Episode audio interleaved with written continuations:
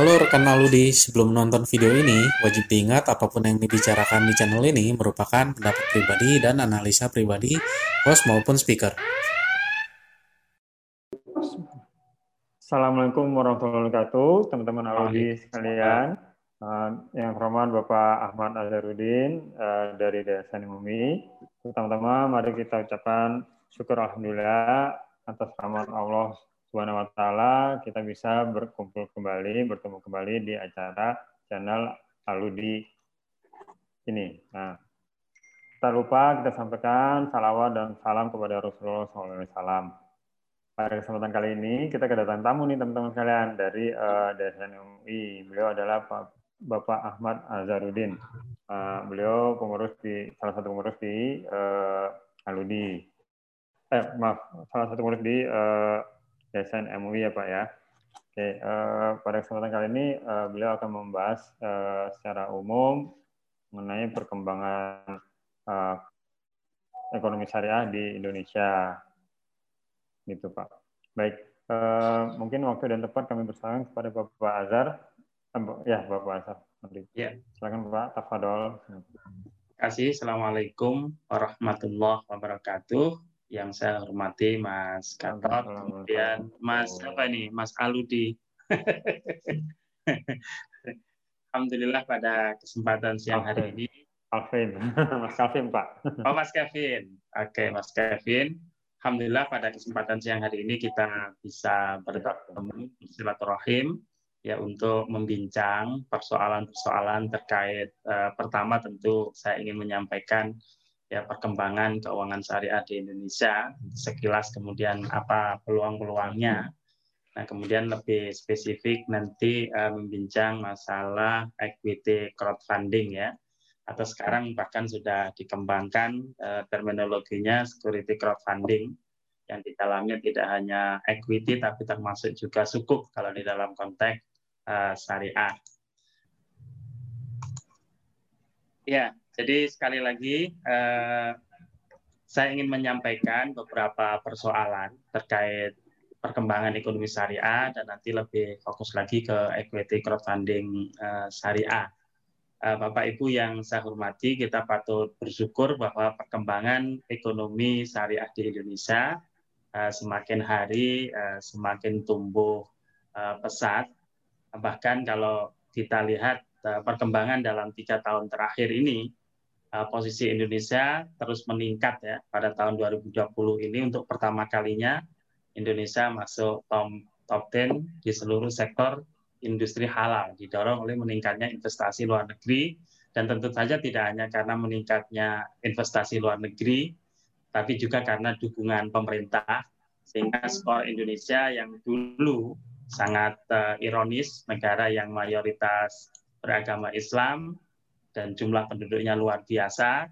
Tapi selalu kalau ada uh, lembaga pemeringkat di tingkat dunia, Indonesia itu selalu paling buncit gitu ya. Bahkan uh, kita kadang juga iri Malaysia yang hanya sekian persennya dengan Indonesia, tapi selalu uh, memegang skor tertinggi. Tapi alhamdulillah tiga tahun terakhir ini perkembangannya terus melonjak signifikan ya. Indonesia ini bahkan di seluruh uh, bidang ya bidang yang dijadikan standar uh, top 10 itu Indonesia selalu masuk 10 besar. Nah, ini merupakan uh, prestasi yang luar biasa. Nah, kalau saya secara pribadi melihat, nah selain karena memang uh, investasi luar negerinya uh, Indonesia juga meningkat, juga disebabkan karena uh, peran negara itu semakin meningkat juga. Jadi kalau dulu diistilahkan di Indonesia perkembangan ekonomi syariah itu bottom up, nah sekarang dua-duanya. Jadi bottom up dan top down. Nah ini uh, minimal yang sekarang bisa kita lihat ya dari gerakan-gerakannya, prestasi-prestasinya juga sudah nampak, yaitu adanya KNEKS, Komite Nasional Keuangan dan Ekonomi Syariah, yang sangat berperan mengkoordinasikan gerak langkah jadi uh, sebagai pembirama nampaknya KNEKS ini untuk kemajuan ekonomi syariah. Dan demikian juga uh, yang kerja-kerja yang luar biasa ya yang saya, saya kira banyak mempengaruhi pandangan dunia terhadap pertumbuhan ekonomi syariah di Indonesia adalah kerja kerja kerja kerja uh, publikasi. Nah, Indonesia selama ini miskin publikasi, Bapak Ibu yang saya hormati. Kalau Malaysia itu sebenarnya nomor satu itu karena kencang publikasi, sehingga dunia mengetahui. Nah, mudah-mudahan teman-teman uh, dari Aludi juga jangan terlalu miskin publikasi, Mas ya. Makanya ini gerakan-gerakan di bulan Ramadan tadi yang akan menyebarkan berbagai informasi terkait perkembangan ekonomi syariah, potensi keuangan syariah di Indonesia, dan lain-lain, itu menurut saya penting digencarkan, Mas ya, penting diintensifkan, biar tidak hanya uh, untuk kepentingan ke dalam ya, edukasi, literasi, dan uh, harapannya inklusinya juga meningkat, tapi ke luar negeri. Karena para investor di luar negeri itu datanya tentu dari data-data pemeringkat seperti ini. Kalau kemudian peringkat Indonesia terus jeblok gitu ya mereka ragu di Indonesia. Dan itu sebenarnya kelihatan sekali ya ketika kita saat uh, Raja Saudi datang ke Indonesia, kita bahagia sekali. Oh, Saudi mau memindahkan investasinya dari Eropa, Amerika, Cina, boleh jadi ke Indonesia karena melihat mayoritas penduduk Indonesia adalah Muslim. Tapi apa yang terjadi? Ternyata ke sini hanya berlibur ya. Tetap aja setelah itu banyak melirik ke Cina dan ke Jepang dengan mereka eh, Jepang dan Cina ternyata kemudian juga membuat skema-skema syariah mas untuk investasi sehingga juga uh, menarik bagi Saudi Arabia yang memang semangatnya juga untuk mengembangkan investasi-investasi yang berbasis uh, syariah. Nah kemudian uh, kita di Indonesia juga patut berbangga, Mas. Meskipun uh, ini baru potensi ya, realisasinya tentu uh, menunggu kerja keras kita, tapi setidaknya dari tadi ranking dunia, kemudian potensi yang ada, uh, saya kok optimis ya ekonomi syariah di Indonesia di Indonesia ke depan akan semakin berkembang pesat ya dilihat dari uh, Indonesia ini negara kepulauan, kemudian juga pengguna internet nih luar biasa ya 171 juta, kemudian penduduk Muslim di Indonesia ini 225 juta, ya sekitar 85 persen dari 260 juta penduduk Indonesia. Kemudian kita itu negara empat terbesar ya setelah Cina, India. Ini juga patut artinya market di Indonesia ini luar biasa makanya banyak yang melirik ya. Kemudian eh, terkait eh, Indonesia juga poten saat ini itu ekonomi terbesar 16 dunia. Ini tidak bisa diingkari lagi ya ini, karena ini ada data statistik statistiknya. Nah, akan tetapi eh, banyak juga gap-gap ya. Misalnya UMKM saat ini 70% kurang akses bahkan yang yang lucu saat ini adalah UMKM di Indonesia yang jumlahnya besar sekali itu hanya mendapatkan porsi pembiayaan kalau nggak salah tahun kemarin 19 persen ya, dibandingkan uh, sektor-sektor korporasi. Nah ini juga menjadi potensi yang luar biasa nih yang teman-teman aludi bidik ya, karena yang akan dibidik dalam konteks equity crowdfunding ya UMKM UMKM nanti sebagai penerbit.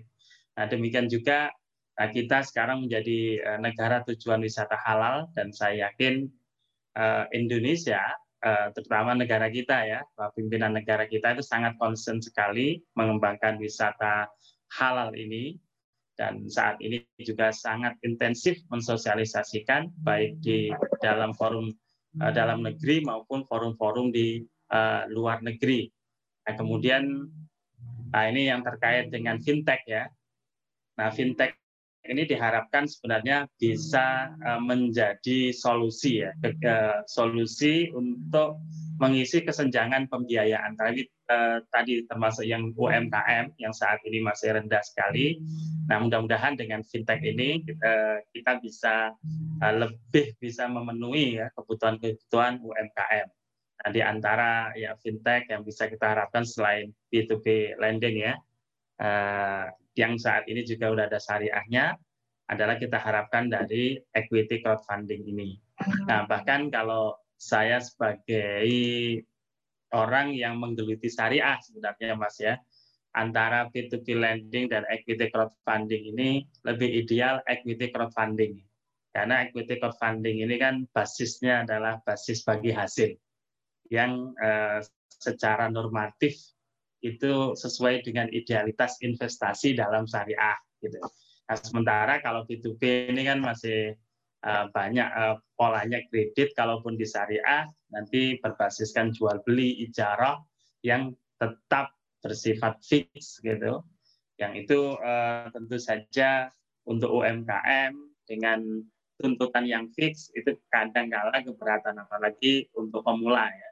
Karena itu dengan adanya equity crowdfunding ini uh, bagi pelaku-pelaku uh, usaha di bidang syariah tentu saja uh, amat sangat menyambut baik peluang ini. Nah,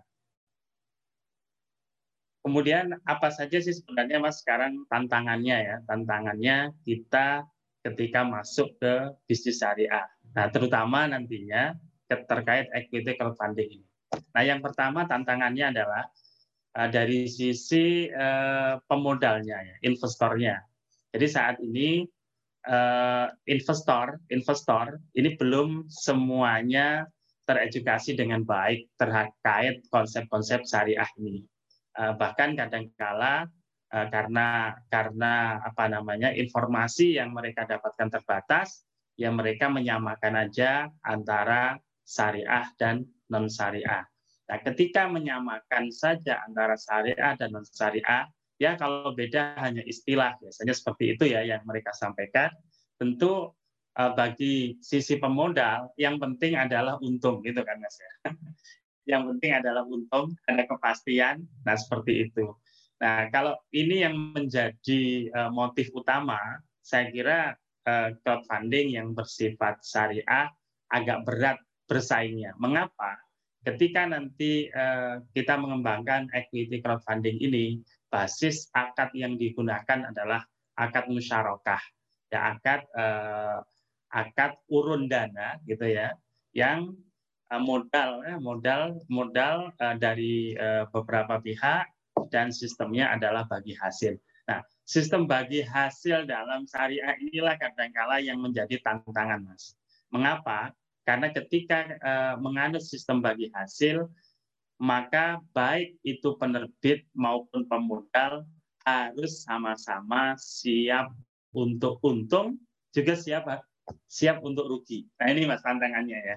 Nah sementara bagi pemodal itu umumnya ya berpikirnya untung. Nah ini saya rasakan sekali ketika saya menjadi DPS di salah satu uh, P2P lending yang syariah mas.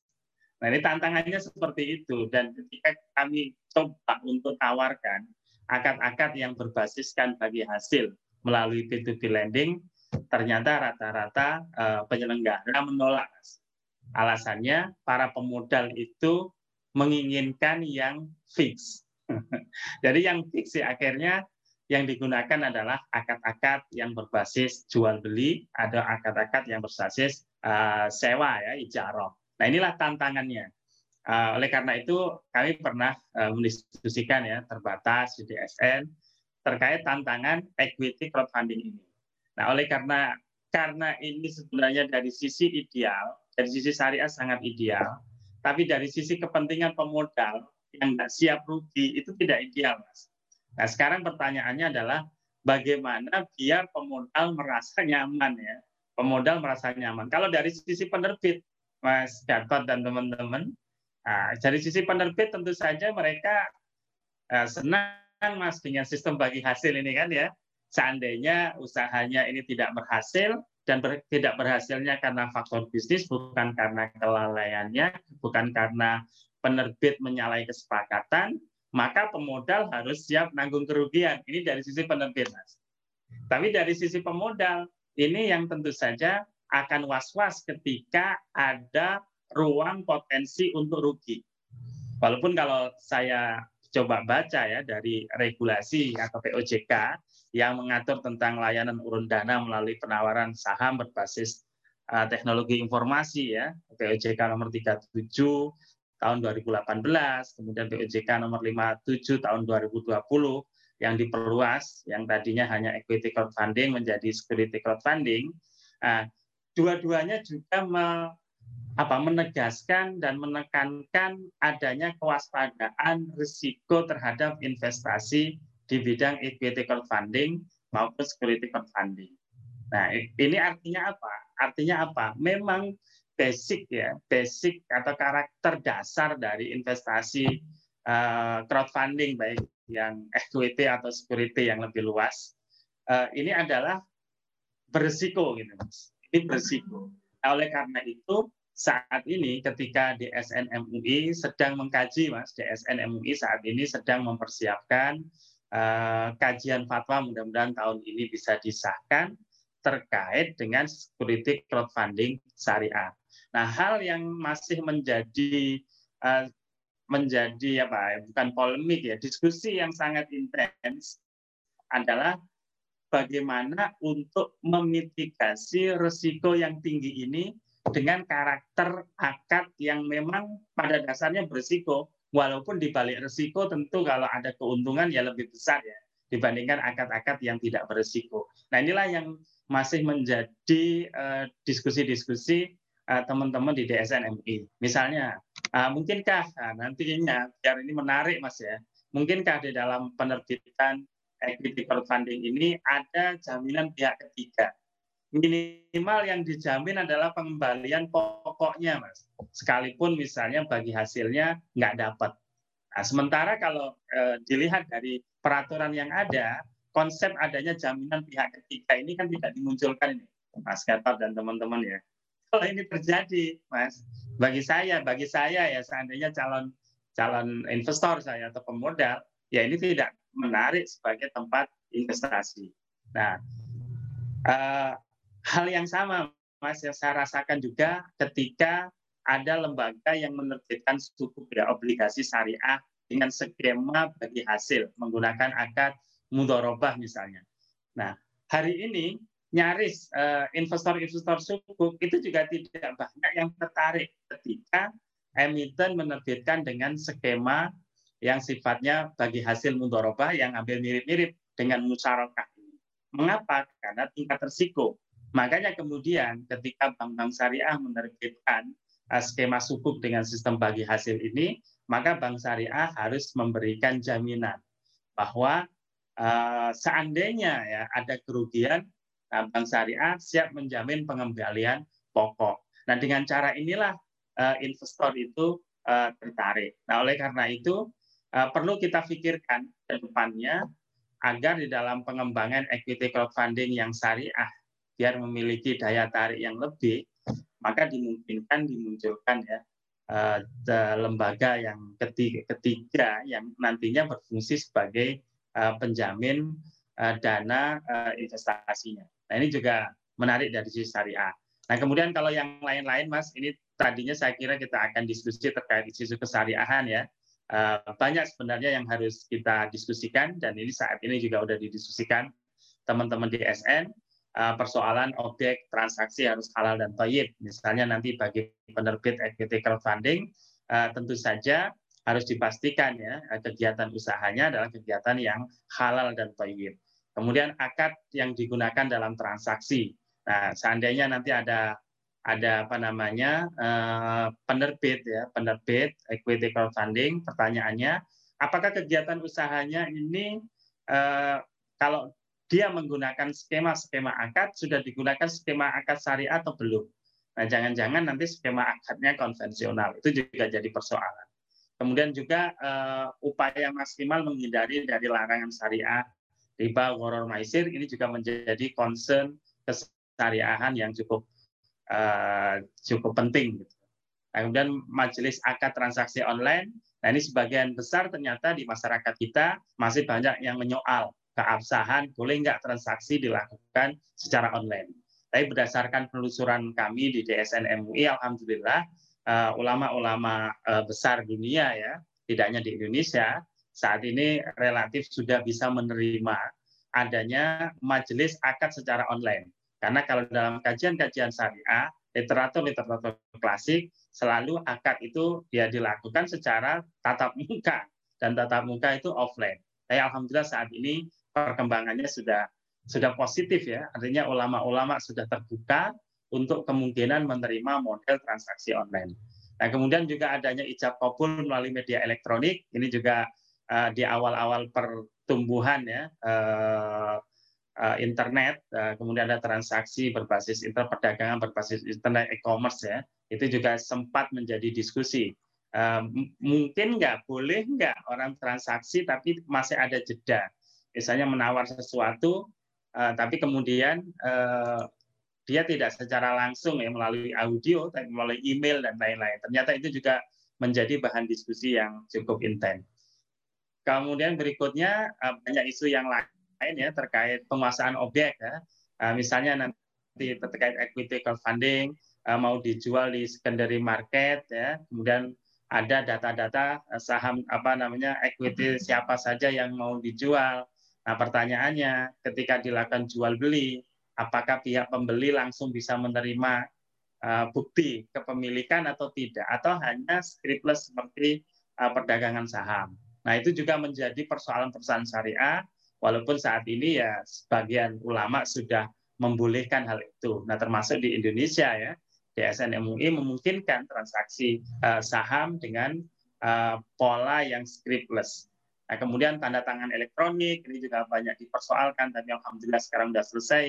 Kemudian perjanjian baku, artinya akan dibuat secara baku oleh sepihak yang boleh jadi pihak lain tidak memiliki daya tawar. Ini juga menjadi persoalan-persoalan yang didiskusikan ulama. Kemudian hak siar. Jadi ketika transaksi dilakukan secara online, kemudian informasi tidak diberikan secara sempurna. Nah, pertanyaannya jika ada sesuatu yang merugikan ya pihak uh, pengguna, apakah dia mempunyai hak untuk membatalkan atau tidak? Nah, sementara di syariah itu ada konsep hak siar ketika memang para pihak tidak melangsungkan di satu majelis yang bisa langsung ketemu, bisa mendialogkan, bisa menawar, bahkan kalau dalam bentuk objek, langsung objek bisa diraba dan dilihat langsung oleh mata kepalanya, jadi tidak melalui video atau atau eh, media-media lain yang kadang kala memanipulasi. Gitu.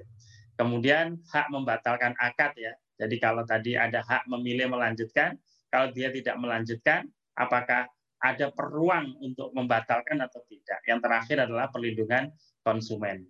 Nah, Bapak Ibu yang saya hormati, nah sebenarnya saat ini eh, untuk kegiatan equity crowdfunding itu sudah cukup banyak ya fatwa DSN yang yang menjelaskan tentang itu meskipun tidak secara spesifik eh, berbicara tentang crowdfunding, tapi eh, model bisnis crowdfunding itu eh, sudah tercakup dalam fatwa-fatwa DSN MUI. Nah, misalnya fatwa nomor 8 tentang pembiayaan musyarakah, fatwa 114 tentang akad sirka. Nah, akad sirka, musyarakah, ini ya urun dana untuk kegiatan usaha. Ini secara detail sudah diatur.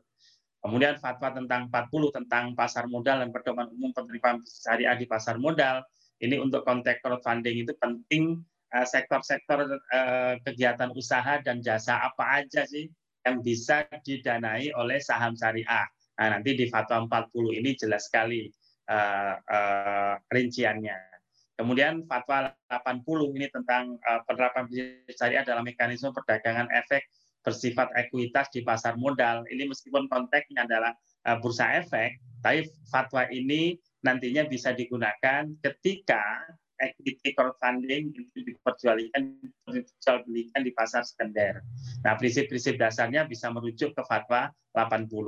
Nah, kemudian fatwa terkait saham ya eh, termasuk kelembagaan equity crowdfunding itu bisa merujuk fatwa 135 ini termasuk bagaimana cara menerbitkan proses penerbitan itu ada di fatwa 130.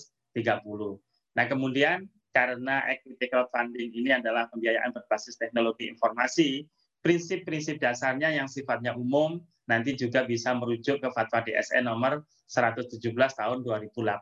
Nah, kesimpulannya apa? Kesimpulannya insya Allah saat ini meskipun DSN sedang mengkaji kemungkinan mengeluarkan fatwa yang spesifik tentang equity crowdfunding, tapi secara basic ya kebutuhan uh, mendasar terkait eh, norma-norma uh, yang mengatur equity crowdfunding syariah itu bagi saya ya yang kebetulan menggeluti juga di bidang pasar modal syariah, fatwa-fatwa terkait pasar modal yang saya sebutkan sekitar lima ini sudah cukup memadai untuk menopang pengembangan equity crowdfunding syariah. Saya kira itu yang bisa saya sampaikan sebagai uh, memantik diskusi. Nah, selanjutnya saya serahkan kembali ke Mas Gatot. Baik, Alhamdulillah, Robin. Ya, terima kasih Pak Azhar atas uh, apa pemaparannya yang luar biasa ya. Uh, ini sangat bermanfaat bagi kami di platform maupun uh, masyarakat umumnya. Nah, uh, mungkin uh, jadi bisa diambil kesimpulan bahwa berdasarkan lima faktor tadi, uh, equity crowdfunding itu istilahnya uh, halal ya Pak ya, sesuai dengan syariah insya ya Pak ya. Bisa ya, di... selama mengikuti fatwa tersebut Mas ya. Uh-huh. Ya. ya, betul. betul. Tetapi okay. eh, prinsip dasarnya equity crowdfunding itu relatif lebih dekat dengan syariah yang konven pun ya lebih dekat dengan syariah dibandingkan hmm. produk peer to peer lending saya yang konven ya. Iya betul betul betul. Nah itu tadi yang saya catat juga eh, memang ternyata eh, banyak masyarakat tuh yang eh, siap untung tapi tidak siap rugi. Jadi eh, kebanyakan masyarakat tuh ingin ada kepastian keuntungan gitu ya Pak ya. Itu kami ya, alamin ya. sih sebagai platform banyak sekali masyarakat yang sebenarnya uh, siap untung tapi tidak siap rugi. Jadi uh, mereka lebih ingin uh, mendapat suatu kepastian dalam bentuk uh, bunga atau ya uh, pembayaran yang pasti gitu loh. Uh, sementara uh, dalam uh, di lapangan uh, di platform kami itu memang namanya bisnis ya ada kadang naik, ada kadang turun ya Pak ya.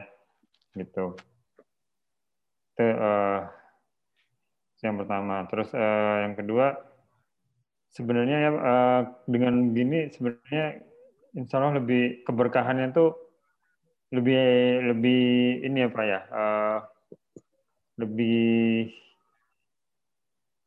baik bagi kedua belah pihak ya menurut Bapak. Ya, kalau syariah dari sisi keberkahan itu pasti, Mas ya. Nah, hmm. hanya saja tadi Mas tantangannya ya berdasarkan pengalaman saya selama ini, orang investasi itu jarang yang pertama kali berpikir biar dapat rezeki yang halalan thayyibah itu jarang, Mas. Oh. Yang seperti itu bisa dihitung, Mas. Nah, akan tetapi ya. Eh, yang perlu kita kita kan perlu optimis, Mas ya. Saat ini ya, dengan ya. Eh, meningkatnya pemahaman keagamaan masyarakat. Kemudian semangat juga generasi muda, generasi milenial untuk hijrah ya dari perilaku yeah. yang sebelumnya tidak syar'i menuju hmm. yang syar'i.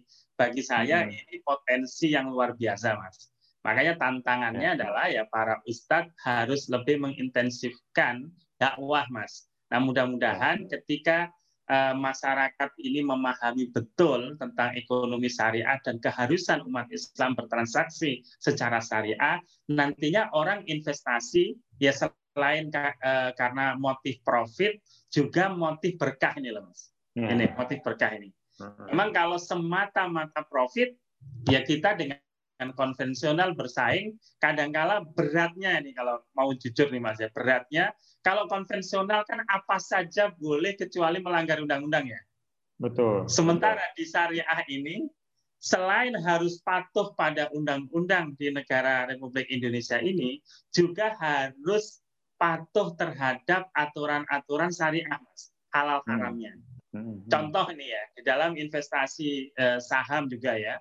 Kalau hmm. kita investasi di saham yang syariah, saya yakin tidak semua perusahaan-perusahaan besar ya yang sangat liquid, yang menjanjikan keuntungan lebih, itu bisa masuk daftar efek syariah, Mas. Begitu kan? Sementara kalau betul, kita menutup mata, mau syariah, mau syariah, yang penting saya untung, nah yeah. itu potensi investasinya lebih banyak, Mas. Ini ya. Meskipun ya, tentu saja tadi dari ada sisi lain keuntungan, Mas ya. Bagi kita sebagai muslim, yaitu kalau saya rasakan ya transaksi secara syariah ini kan uh, membuat saya lebih damai, Mas ya. Nah, mudah-mudahan kedamaian yang saya peroleh ini juga nanti berefek kepada semangat saya untuk berusaha lebih, Mas. Ya kan? Karena, betul, betul. karena kalau kita uangnya banyak tapi bawaannya stres ya. Hati selalu galau. Ini ya, saya yakin nanti akan berpengaruh uh, secara psikis ya ke perilaku kita dan termasuk perilaku investasi kita. Nah, ketenangan ini yang penting. Walaupun juga Allah selalu mengatakan Mas bahwa orang yang komit dengan uh, syariat-syariatnya Allah pasti akan menolong ya. Allah pasti akan uh, memberikan jalan yang terbaik. Jadi kalau di dalam ayat Al-Qur'an ya bahwa mayatakillah yaj'alahu mahrajan wa yarzuqhu min haitsu ya min haitsu la Bahwa orang ini yang kalau benar-benar dia mau meniti jalan takwa, maka Allah akan memberikan kemudahan ya di dalam dia mencari rezeki. Karena Allah akan memberikan rezeki dari berbagai sumber yang tidak dikira-kira. Nah, yang jadi persoalan adalah apakah umat Islam memiliki kepercayaan yang kuat enggak terhadap janji Allah ini, Mas? Hmm. Ini, Mas kan? ini kan betul, butuh keimanan yang tinggi. Ya? Betul, Karena betul. Iman itu ya dengan kepercayaan. Tanpa kita kepercayaan, kita klaim diri kita Muslim, tapi nggak percaya dengan norma-norma yang diatur oleh Allah di dalam Al-Quran dan di dalam hadis Nabi, tentu saja kita tidak akan bisa menggapai janji-janji Allah. Nah inilah yang butuh ya, uh, butuh uh, literasi, ya, edukasi, bahasa syariahnya itu dakwah uh, ke kalangan masyarakat kita. Itu mas. Nah ini penting banget Ustaz. Uh, uh, Pak Azhar. Insya Allah kami dari Aludi ingin banget uh, menginformasikan ke seluas-luasnya kepada masyarakat umum, terutama masyarakat muslimnya bahwa uh, mencari apa pendapatan yang halal itu penting karena itu membawakan keberkahan dan ketenangan bagi kehidupan uh, umat gitu. Nah, uh, mungkin berikutnya ini Pak, uh, untuk akad kira-kira uh, nanti bisa bisa sedikit dijelaskan Pak, kira-kira untuk HF itu akadnya yang sebaiknya digunakan akad apa ya Pak? Ya, jadi akad ini nanti tergantung hubungan para pihaknya Mas ya. Jadi oh. kalau di dalam equity crowdfunding itu kan ada pihak penyelenggara, kemudian ada pihak penerbit ya, ada pihak investor. Nah ini ya. kan masing-masing ada hubungan hukumnya. Pertama adalah penyelenggara.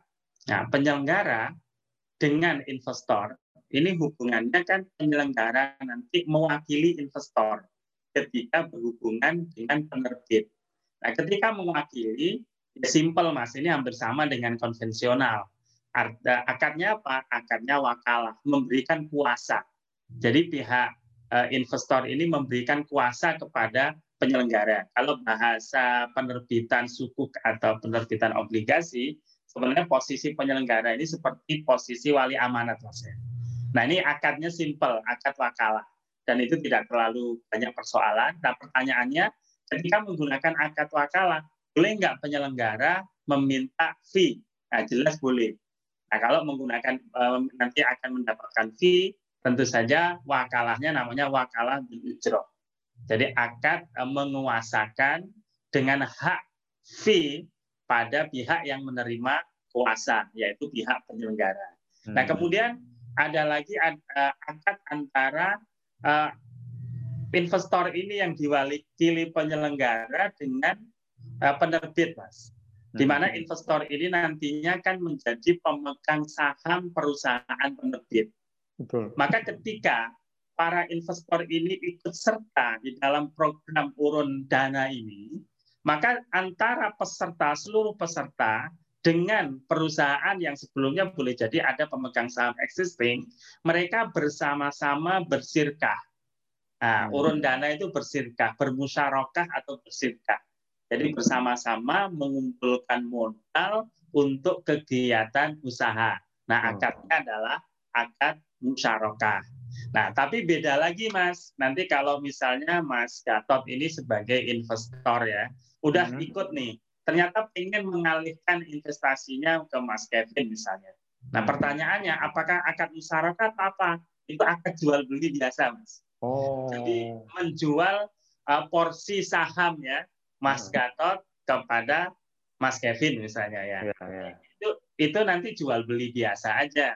Nah, kalau ya. jual beli ya biasa, kalau saham juga sama kan. Itu hmm. nanti dia akan memperoleh kalau ada selisih ada capital gain-nya ya. Ya, nah, ya. Tapi sebagai pemilik saham, tentu saja nanti misalnya tiap tahun gitu ada pembagian uh, keuntungan ya dia dapat dividen sama sama makanya tadi saya bilang sebenarnya equity crowdfunding yang berbasis saham ini sangat dekat dengan karakteristik akad syariah yang namanya musyarakah atau uh, sirkah musahamah. Ada yang mengatakan sirkah musahamah, ada yang musyarakah. Nah, di fatwa di SN ditegaskan bahwa akadnya adalah uh, sirkah musahamah. Jadi sirkah itu sebenarnya sirkah musahamah itu sirkah kontemporer. Paham, ya. uh, gitu. Baik. Baik, Ustaz, uh, Pak Azhar, luar biasa ini uh, pencerahannya. Jadi uh, banyak masukan bagi kami khususnya dan bagi masyarakat umum pada umumnya. Uh, mungkin uh, berhubung waktunya tuh terbatas, jadi, jadi uh, mungkin uh, di pertemuan kemudian, eh, ke, pertemuan di berikutnya kita akan bahas lebih dalam lagi, nggak apa-apa ya Pak ya? Jadi, Allah, Allah, Allah seperti akadnya, terus nanti uh, apa manfaat dari akad itu, terus uh, nanti kalau misalnya ada perselisihan itu sebaiknya seperti apa gitu. Yeah.